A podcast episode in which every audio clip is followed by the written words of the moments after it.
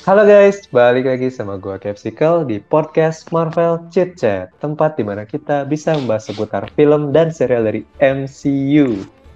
Nah, sama dengan minggu-minggu sebelumnya, ini kita udah di minggu keempat ya, bahas Miss Marvel lagi. Nah, untuk sekarang kita mau breakdown seputar episode keempatnya, yang judulnya adalah Seeing Red. Red apa nih? Ada yang warna merah di episode ini nanti kita akan bahas.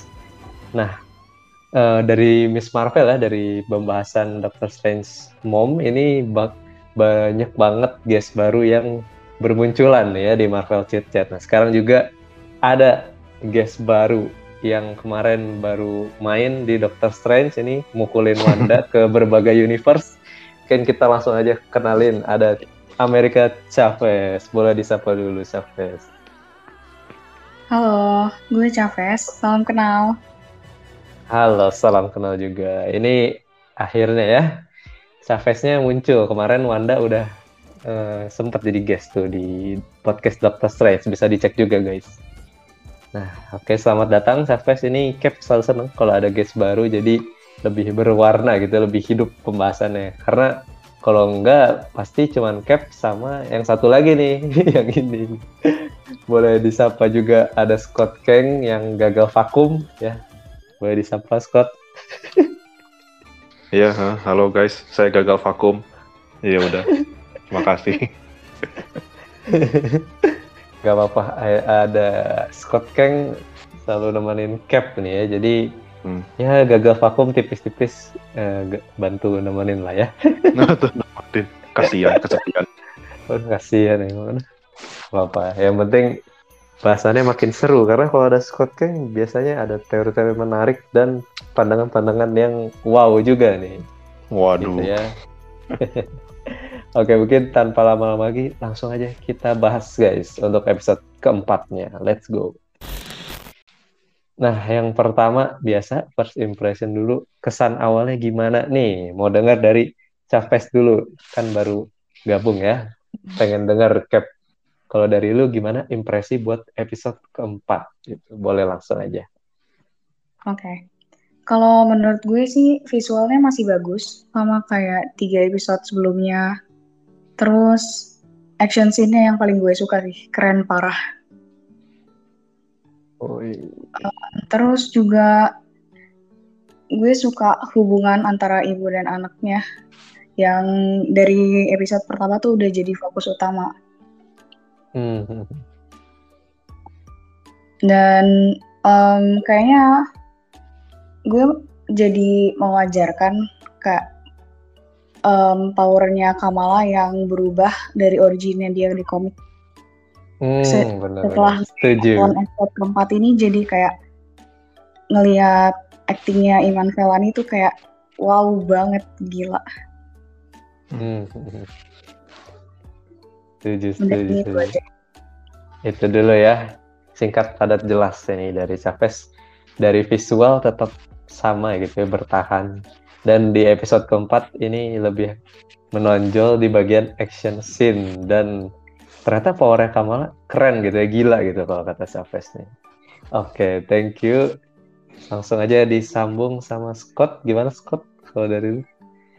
Kalau dari gua sih episode favorit gue sih sejauh ini episode 4 karena hmm. apa ya kalau sekalian gue bisa mendebak bahwa series Marvel tuh setiap episode keempat tuh selalu apa ya ciri khas tuh ngegantung-gantung gitu loh gitu ya. Jadi kayak dari zaman WandaVision apa ya, sekarang tuh kayak pattern cerit pattern plotnya tuh ketebak. Oh pasti episode 4 tuh ngegantung-gantung lagi deh. kayak kemarin Moon Knight juga kayak gitu kan. Jadi oh Miss Marvel kejadian lagi. Oke okay, gitu kayak. Ya mulai ketebak formulanya juga sih sebenarnya. Jadi kayak Sam. episode 4 ini satu yang spesial gitu ya. Iya gitu kayak sengaja gitu. dibikin pattern apa formulanya itu gantung tapi selalu rame sih sebenarnya. Selalu bikin rame dan bikin penasaran. Sama mm, pastinya makin banyak hal-hal budaya yang baru-baru, tokoh-tokoh yang baru juga gitu kayak yang semakin membuka kisah origin Miss Marvel atau Kamala baik dari kekuatan ataupun keluarganya sih gitu. Sama hmm. yang gue suka juga kayak uh, menyinggung tentang sejarah yang sempat diceritakan di episode 3 ya kalau nggak salah tentang partisi India itu kayak semakin wah semakin jelas ternyata emang bukan cuma sekedar basa-basi aja tapi emang ada hubungan dengan ke kekuatannya Kamala juga gitu gitu ini di highlight. Oke mantap. Nih makin jago ini Scott nih buat sih jadi Cap bingung mau ngambain apa nggak bercanda. Oke okay, thank you Scott uh, Iya gue setuju juga sih soal apa ya lebih meng-highlight tentang budayanya dari episode 1 gitu ya. Karena dari cap sendiri gue ngerasa ah segini juga udah cukup gitu ya representasi budaya dan agamanya gitu di episode 1 2 eh ternyata makin sini makin mendalam lagi dan ada hubungannya gitu sama Kamala sendiri gitu. Kamala sebagai karakter yang masih berkembang gitu ya. Jadi bukan cuman sekedar backstory yang ya udah sejarah biasa tapi ada hubungannya sama Kamala karena dia punya kekuatan yang istilahnya apa ya punya peran di partisi itu gitu ya dan hmm. ini kayak bakal dieksplor lagi di episode kelima itu hmm. Setuju setuju. Sama kalau dari Cap itu suka banget sama visualnya. Ya tadi udah disebut Chavez. Entah kenapa di pas masuk ke Karachi itu pas nonton ya rasanya tuh beda gitu. Maksudnya gak kayak di New Jersey kayak baik dari lightingnya gitu. Entah itu natural atau mungkin ada sedikit efek gitu. Tapi feelnya tuh bukan di Amerika lagi gitu. Feelnya kayak memang hmm. sedang di Pakistan dan itu bisa kegambar sih. Pas lagi nonton kayak wah ini asik juga ya ternyata di sana kotanya besar gitu itu itu kelihatan yeah. banget gitu kayak terus ada yang mirip-mirip kayak di Indonesia juga ya ternyata kayak ada beca hmm. dan lain-lainnya gitu pasar-pasar di pinggir gitu kan hmm. apa rumah-rumah susun gitu yang masih jadul lah istilahnya itu kesannya Asia banget dan itu kegambar sih bagus menurut gue ya terus apa lagi ya setuju juga tadi yang soal kekuatan Kamala jadi keren gitu ntar kita bahas deh adegan spesifiknya ada satu scene yang wah juga sih ada scene kejar-kejaran nah itu nanti aja deh dibahas mungkin nanti-nanti mulu kita langsung aja sambung ke highlight, guys. Nah, di highlight, jadi kita langsung breakdown semuanya untuk plotnya. Bisa aja langsung dari Scott. Boleh, Scott. Hmm, apa ya? Kalau dari gue sih, tadi kan Cap bilang tentang Karachi ya. Jadi kayak pertama Kamala datang Karachi itu kayak, ya ini sih yang gue suka kayak lagi-lagi Marvel tuh menyuguh, menyuguhkan image Timur Tengah yang tidak gersang gitu kayak ya udah lah sebenarnya kayak dulu kan Duna itu kan Mesir gitu kayak biasanya yeah. kalau Mesir kan didetek sama piramid gurun, gurun pasir ternyata kota aja gitu kayak kota canggih kota yang udah maju biasanya Karachi juga sebenarnya gitu jadi kayak emang ya ya berkembang lah intinya kayak gitu. Jadi kayak itu uh, buat gue pribadi bagus sih sebenarnya. Bagus terus ya, ya no, apa ya nggak ya normal-normal aja sih sebenarnya kayak normal, seperti kota normal pada umumnya gitu kan nggak ada apa ya dalam tanda kutip nggak ada diskriminasi sama image terhadap terhadap Timur Tengah gitu. Jadi kayak hmm, bener, gitu lah bagus itu. Terus sama apa lagi ya? Hmm, yang gua yang gua apa ya prediksi gue yang mungkin agak benar nih adalah tentang clandestine nih. Jadi kan apa namanya ketika Kamala itu langsung bisa chemistry langsung bisa nyatu sama Karim atau Red Dagger yang ternyata emang Red Dagger itu adalah uh, identitas turun temurun gitu. Jadi kayak itu juga gue juga baru tahu sih kalau di series ini tuh si Red Dagger kayak kayak apa ya tuh ya kayak hmm, mungkin kalau di Falcon Winter Soldier itu kayak flex master gitu jadi kayak yang jadi dari awalnya jadi identitas tokoh jadi uh, semacam organisasi gitu sih kalau aku lihat di sini tuh. Hmm.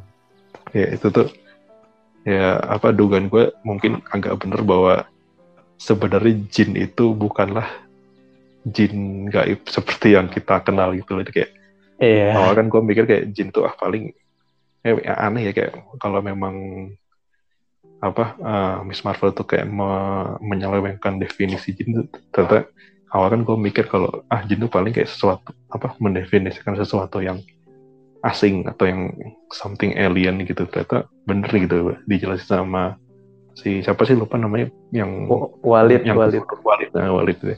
Mm-mm. Emang itu ya kayak kan jelas juga kalau kalau seandainya Thor turun di Himalaya itu berarti mungkin bisa aja dianggap jin. Nah kayak gitu tuh.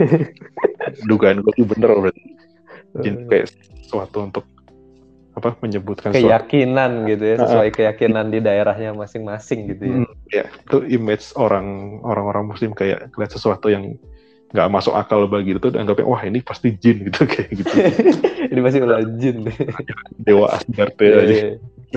itu itu gitu sih kayak ya selain itu juga kayak gue mikir bahwa sebenarnya clandestine tuh kayak apa ya, ya banyak sok tahunya sih kayak dari kemarin episode episode sebelumnya kayak tentang gelangnya tentang kekuatannya mereka sebenarnya banyak banyak sok tahunya sih kayak mereka cuma pengen pengen pulang gitu ke dimensi asalnya dimensi nur gitu.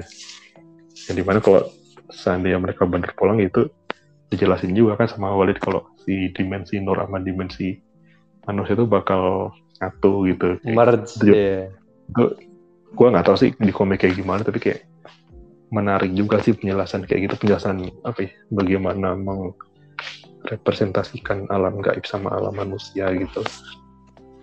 Dalam kok dalam Marvel tuh. Gitu. Iya. sama paling sih kalau dari ntar mungkin gue tambahin lagi di akhir-akhir kan kalau sempet. Paling ini sih yang yang paling mengagetkan tentu saja pada saat apa Kamala nangkis serangan terus dari Najma gelangnya pecah terus setelah itu kah itu keren banget sih asli. Itu gue nggak nggak tahu sih sebenarnya ada ada kejadian apa sebenarnya kayak sampai korelasinya kekuatannya kenapa bisa membawa Kamala ke masa lalu kayak gitu. Itu masih eh, it- it- it- itu pecah ya? Kok gue gak nggak sih soalnya kan kalau lihat tadi kan pas di si gelangnya kena pisaunya itu kan pecah terus habis itu kayak di si dimensi itu kayak robek kayak robek gitu loh kayak oh kayak si- iya. di Mirip Force kayak. Clea yang di Iya. scene-nya Doctor Strange. Iya, Ah. itu gue mikir gitu.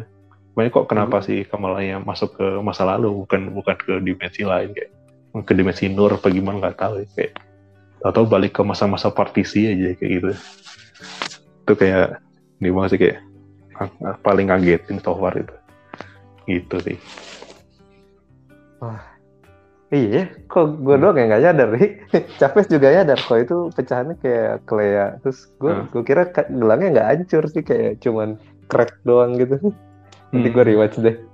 sama di recap gue jadi kepikiran satu teori kalau kan si apa kalau gue gua singkat aja kayak eh, kenapa neneknya Kamal bisa ngejar kereta itu kan karena dia ngikutin bintang tuh jadi ngejar bintang tuh ngejar apa apa sih bilang Eh, dulu Trail of Star. Trail of Star gue tuh mikir Iya. kayak jangan-jangan si Trail of Star yang dimaksud tuh sebenarnya tuh si Kamala itu karena si Kamala itu kayak yang Oh dia menolong dia time travel nolongin nenek. Oh, Itu. Wah gila sih kalau ini bener. paradoks paradoks itu gue kayak gitu gitu anjir. Tapi nggak Jadi- tahu ya Jadi grandmother paradox. wah itu nggak tahu sih. Itu Eh, teori tapi gila. kalau kalau iya gila sih. Maksudnya Miss Marvel ternyata ada konsep time travel. Aduh sorry gue excited banget. Soalnya itu keren sih kalau iya. ya asli itu kayak mencurigakan aja gitu.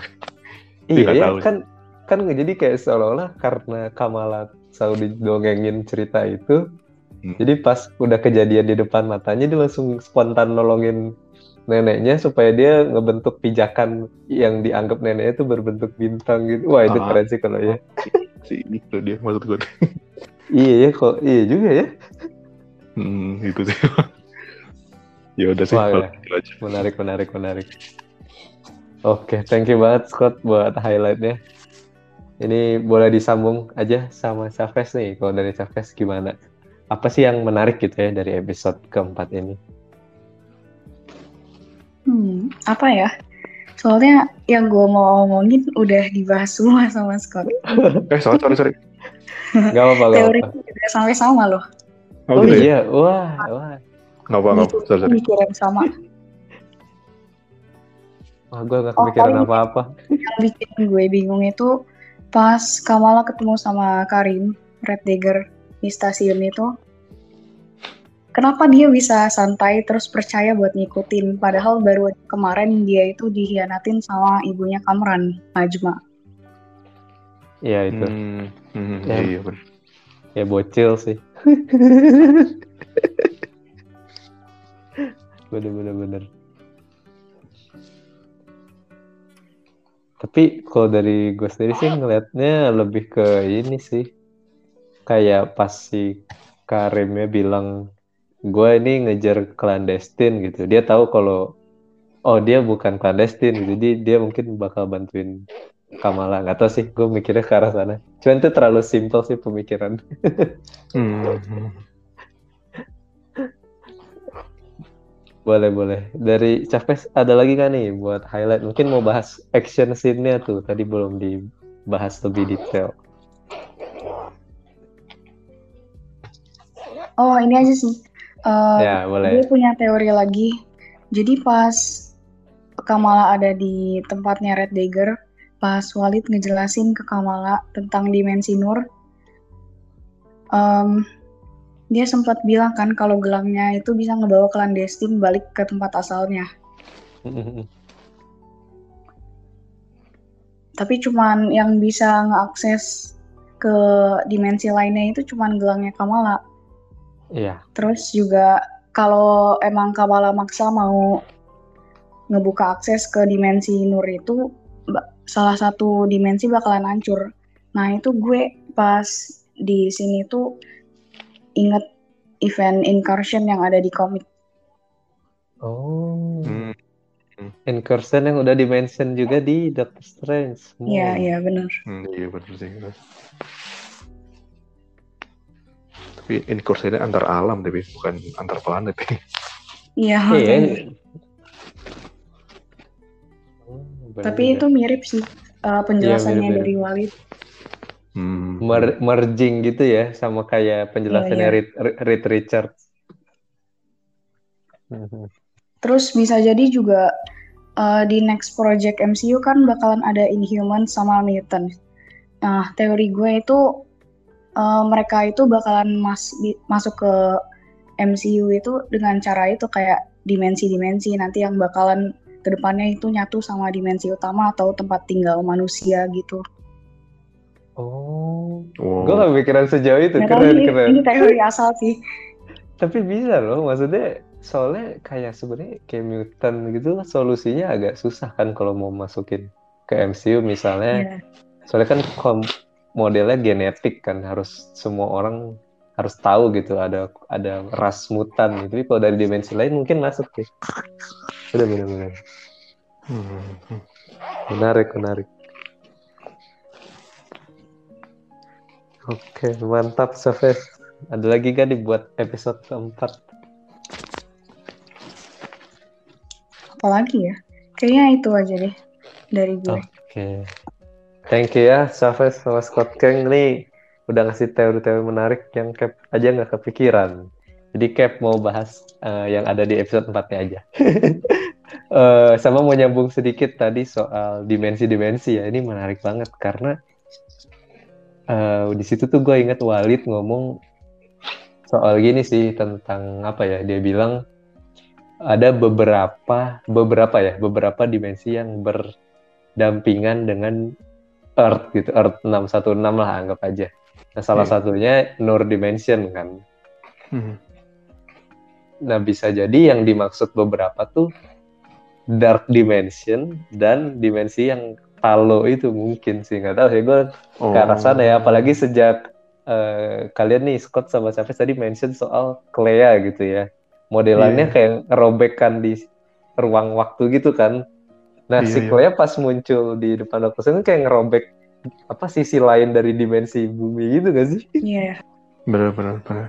nah kayaknya memang banyak gitu ya sebelah sebelah emang bumi spesial banget ya kalau di science fiction tuh center of the universe Iya sih. Jadi pasti semuanya ada di situ ya. Jadi kayaknya sih bener nanti arahnya ke sana ya. Nanti dark dimension gitu konflik sama bumi. Terus sekarang Nur dimension mungkin dieksplor lagi di The Marvel gitu ya. Mungkin musuh utamanya di situ sama Shang-Chi juga. Di situ kan teknologinya sama. entah Hmm. Semua kayak bakal jadi satu sih ini arahnya. Arahnya sama ini kelihatannya. Benar-benar Hmm. itu sih menarik yang mau diketahui lebih lanjut. Terus apalagi ya? Eh endingnya endingnya time travel oh, udah dibahas. Sorry cap lagi ngeblank Eh, oh iya, paling bahas soal powernya Kamala nih. Kan tadi udah disebut di tease. Gue suka banget cara kreatifnya dia ya buat manfaatin gitu.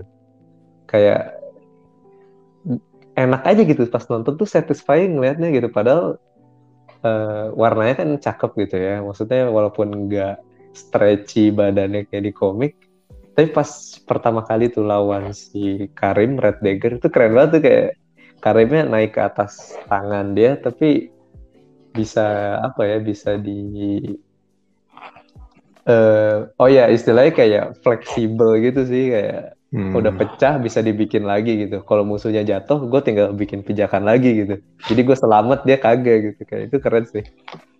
Iya, iya, iya. kayak sebenarnya simple cuman fleksibel gitu. Power kamu tuh kayak gitu.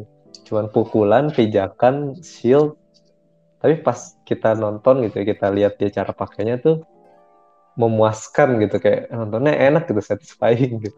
Karena Hmm. jarang ya kan belum pernah ada power kayak gitu di MCU ya walaupun ya di universe sebelah ada yang kayak gitu tapi ternyata di MCU cara pakainya nggak kayak itu gitu beda ternyata. Bener, dan bagus sih cara nunjukinnya ya buat ngebedain sama power-power lainnya. Dan nggak sabar sih evolusinya Kamala ke depannya gimana karena di sini gue notice pas dia lagi naik beca itu ya eh beca apa truk yang pas dikejar-kejar tuh itu dia kakinya kan ngedorong kan kakinya itu jadi panjang Eh, serius? iya iya pas pas Panjang. dia Gue nggak nyadar loh. pas dia Keren kan banget kayak. itu sepersekian detik dong. Jadi kakinya kan eh, yang pokoknya ada keluarga yang lagi motornya gak, nggak nyala-nyala Oh, iya. Ya, kan habis itu Kamala pakai kristal itu kan buat hard light buat mereka Iya. nggak ketabrak. Ah. Nah dia kan di situ nyangkut kalau nggak salah Iya. dia harus belok. Nah kalau nggak salah dia nginjek ke pijakan gitu. Pas Hah? didorong tuh kakinya agak melar dikit, zet gitu. Jadinya Hah? kayak serius serius. Kok gue nggak tahu? Wah, Serius, coba rewatch. Tapi itu cuma cuma sekejap doang, kayak melar gitu loh. Melar apa ya? dikit, maka- makanya CGI CGI error apa ah nggak tahu sebuah tuh. kebetulan? Kayaknya beneran deh. Soalnya soalnya di trailer pun kalau lihat ada satu shot yang kayak Kamalanya udah pakai apa ya? Ini trailer utama ya, bukan TV spot. Kamalanya udah pakai suit yang terakhir gitu ya, mungkin yang di episode terakhir. Pas dia loncat tuh memang tangan sama kakinya agak melar dikit gitu. Nah, Trailer pertama. Iya, trailer pertama, trailer kedua deh. Nah, kayaknya di sini juga gitu, makanya langsung notice. Oh, ini kakinya manjang gitu, makanya dia bisa ngedorong supaya Oh. becanya ba- lurus lagi gitu. Coba deh ntar di rewatch. Wow, menarik. Karena di episode ini juga dia kayak apa ya? Kan ada tuh pas Walid lagi jelasin soal powernya, dia kayak ngegulung tubuhnya pakai lapisan hard light gitu kan agak banyak. Kayaknya modelnya gitu sih, dia kayak ngel- ngelapisin gitu terus pas di dia bisa melar gitu loh. Jadi Hmm. bukan diproyeksiin ke luar, tapi dipasukin ke dalam tubuhnya gitu loh. Nggak tahu sih ini cuma teori gue ya. Oke, oke, oke. Harus rewatch lagi nih, Mai. Boleh, boleh. Nggak tahu gue salah lihat atau bener, tapi kayaknya sih arahnya melar gitu ya. Hmm, gitu ya, gitu ya. Itu soal power. Sama satu lagi highlight dari gue itu action scene ya. Di sini ternyata ada kejar-kejaran yang cukup intens ya. Ternyata gue ngeliat Walid loncat-loncat kayak keinget Prince of Persia gitu. Keren. Lempar-lempar pisau terus Itu perguruan Iya. Konoha, Konoha Karachi.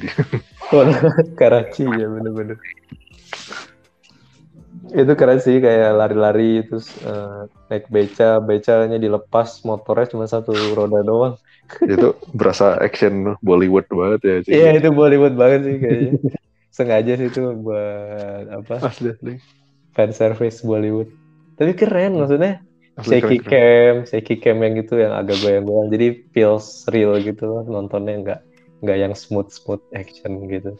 Hmm. Dan ini gue perhatiin ya dari segi editing pas lagi action ya. Karena menurut gue Kamala Miss Marvel ini cukup baik gitu dari segi fighting ya. Mau koreografi nggak sewah Sangchi ya jelas. Tapi pas nonton tuh nggak patah-patah gitu. Karena gue selalu bandingin sama Hawkeye. maaf ya Hawkeye di Ya, terus. gitu. Tapi tapi Kan. Hawkeye itu fight scene hand to handnya gitu yang berantemnya tuh nggak enak dilihat gitu loh kayak patah Iya kan, tanah gitu. Iya. Terlalu kaku ya. Iya terlalu kaku. Nah di situ enak gitu ditontonnya gitu. Jadi kayak Kamala ngebanting gitu. Kamala nggak kelihatan jadi fighter yang jago banget, cuman cuman dia kreatif gitu cara pakai powernya. Nah di sini si Karim juga kelihatan jago bela diri dari gerak geriknya gitu dan nontonnya enak aja. Kalau Hawkeye itu patah banget nontonnya kayak gak enak di mata gitu. Bahkan Iya. Moon Knight Moon Moon Knight pun menurut gua ada beberapa yang kayak gitu juga kayak agak patah banget pas lagi berantem gitu kayak kurang badass. Paling yang- jadi Iya benar-benar. Jack ya baru. Ya, tapi di skip gitu nggak kita Skip ya itu sih paling actionnya wah banget dan nggak nyangka ada not apa notice ke Bollywood juga ya dengan kejar-kejaran di pasar atau di pinggir-pinggiran gitu ya Hmm. itu menarik banget sama nggak nyangka pada mati ya si clandestine dua udah mati Hmm. Ternyata tidak abadi, Pak. iya oh Nah. iya Nah kan, nah kan, nah kan, ayo. Nah, menurut lo nipu banget nggak sih clandestine kayak ada sesuatu yang apa ya? Tapi kayaknya umurnya nggak beneran abadi, maksudnya bukan abadi sih, cuman panjang umurnya Kayak bener. awet muda aja gitu ya. Oh, Iya, awet mudanya bener. Hmm. Bener, bener, bener. Ternyata dilempar pisau, eh ditusuk pisau dong mati. Iya, iya, berarti ngomong kosong. Oh, itu Iya, bener cuma bener. dari wajahnya doang gitu, bukan Iya, tahan tubuhnya gitu. ya ngomongin soal clandestine, ya ini sedikit kritik aja sih memang sepertinya Miss Marvel ini lebih nge-highlight ke Kamalanya dan sejarah keluarganya yang kelam ya tentang partisi itu dan kekuatannya tuh dari situ. Dan jatuhnya mungkin villainnya lebih dikesampingkan ya. Kayak Najma dan kawan-kawan itu sebenarnya menurut gue kerasa generik banget ya biasa banget. Tapi Kayaknya ngecoh sih kayak buat buat menipu Iya. lo. iya, tapi itunya ya oke lah. Hmm. Paling itu aja guys highlight dari Cap. Overall bagus sih episode 4 ya, tapi sebenarnya bukan favorit gue. Cuman gue suka actionnya ternyata wah juga nih. Bisa Mhm, iya. bersaing sama seri-seri yang lain. Bahkan menurut gue bagusan ini daripada The Falcon Winter, Sol- Winter Soldier action. Oh gitu. Ada beberapa lah yang lebih Oh, oke terlihatnya ya. Hmm. Ya paling itu guys dari Cap nih kalau dari Chavez atau dari Scott ada tambahan nggak nih sebelum kita tutup? Coba kafes, kafes dulu paling. Oh iya, Nah, gue mau nambahin satu nih.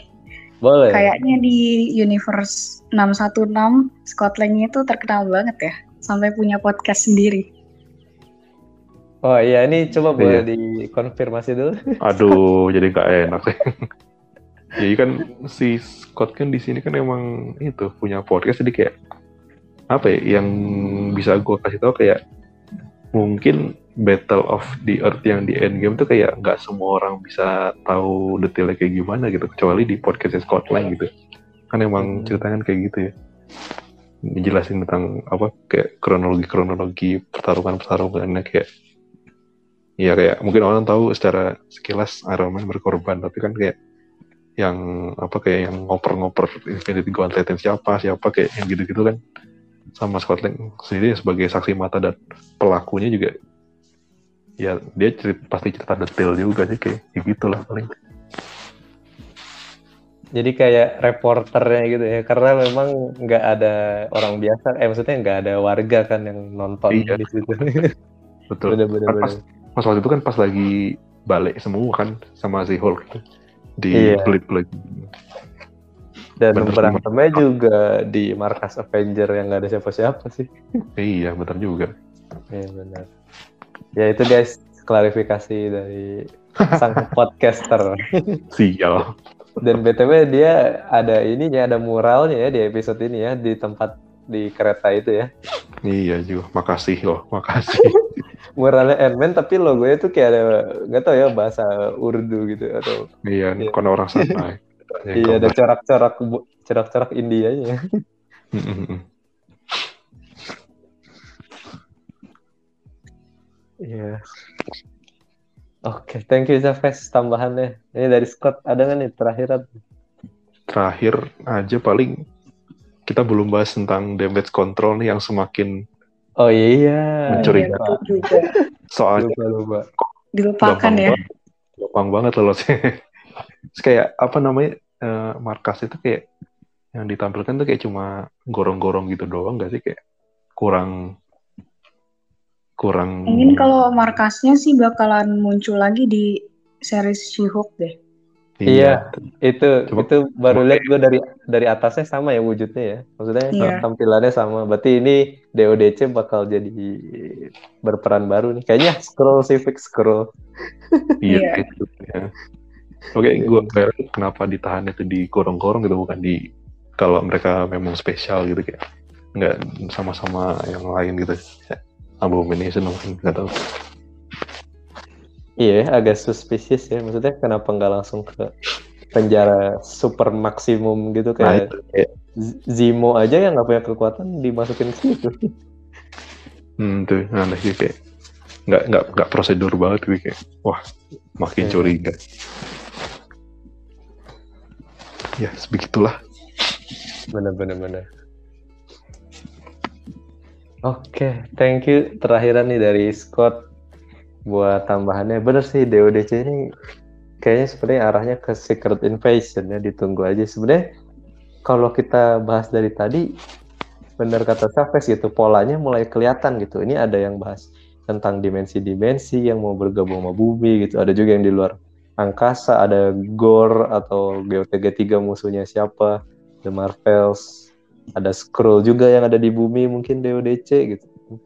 Ada juga yang multiverse multiverse, Incursion, Fantastic Four, Quantumania itu kayak sebenarnya mulai kelihatan ya polanya ke arahnya ke mana. Sama satu lagi ke mitologi budaya-budaya gitu, presentasi keyakinan masing-masing gitu di MCU ini mulai kelihatan juga sih dan sebenarnya mungkin highlight utama ya yang gue lihat dari dari mulai Shang-Chi gitu, Moon Knight, sekarang Miss Marvel gitu, kayak semua ranahnya ke arah situ sih. Nanti Hmm. Thor juga nih ya minggu depan guys. Yo, Eh, Ya. betul. Jangan lupa beli tiketnya karena udah dibuka nih. Udah paling sekian dulu kali ya guys buat pembahasan kali ini. Udah cukup banyak ini. Dan seperti biasa mau ngucapin terima kasih dulu sama Chavez dan Scott Kang yang udah nemenin Capsicle berbincang-bincang nih. Thank you guys udah nemenin. thank you, thank you, Thank you, Kak. Thank you, Scott. Yo. thank you, Kak. Mau berterima kasih juga sama-sama pendengar yang udah dengerin sampai akhir nih. Kalian terbaik lah. Jadi ditunggu terus buat bahasan Miss Marvel. Masih ada sisa dua lagi, dua episode lagi, 5 dan 6 finalnya.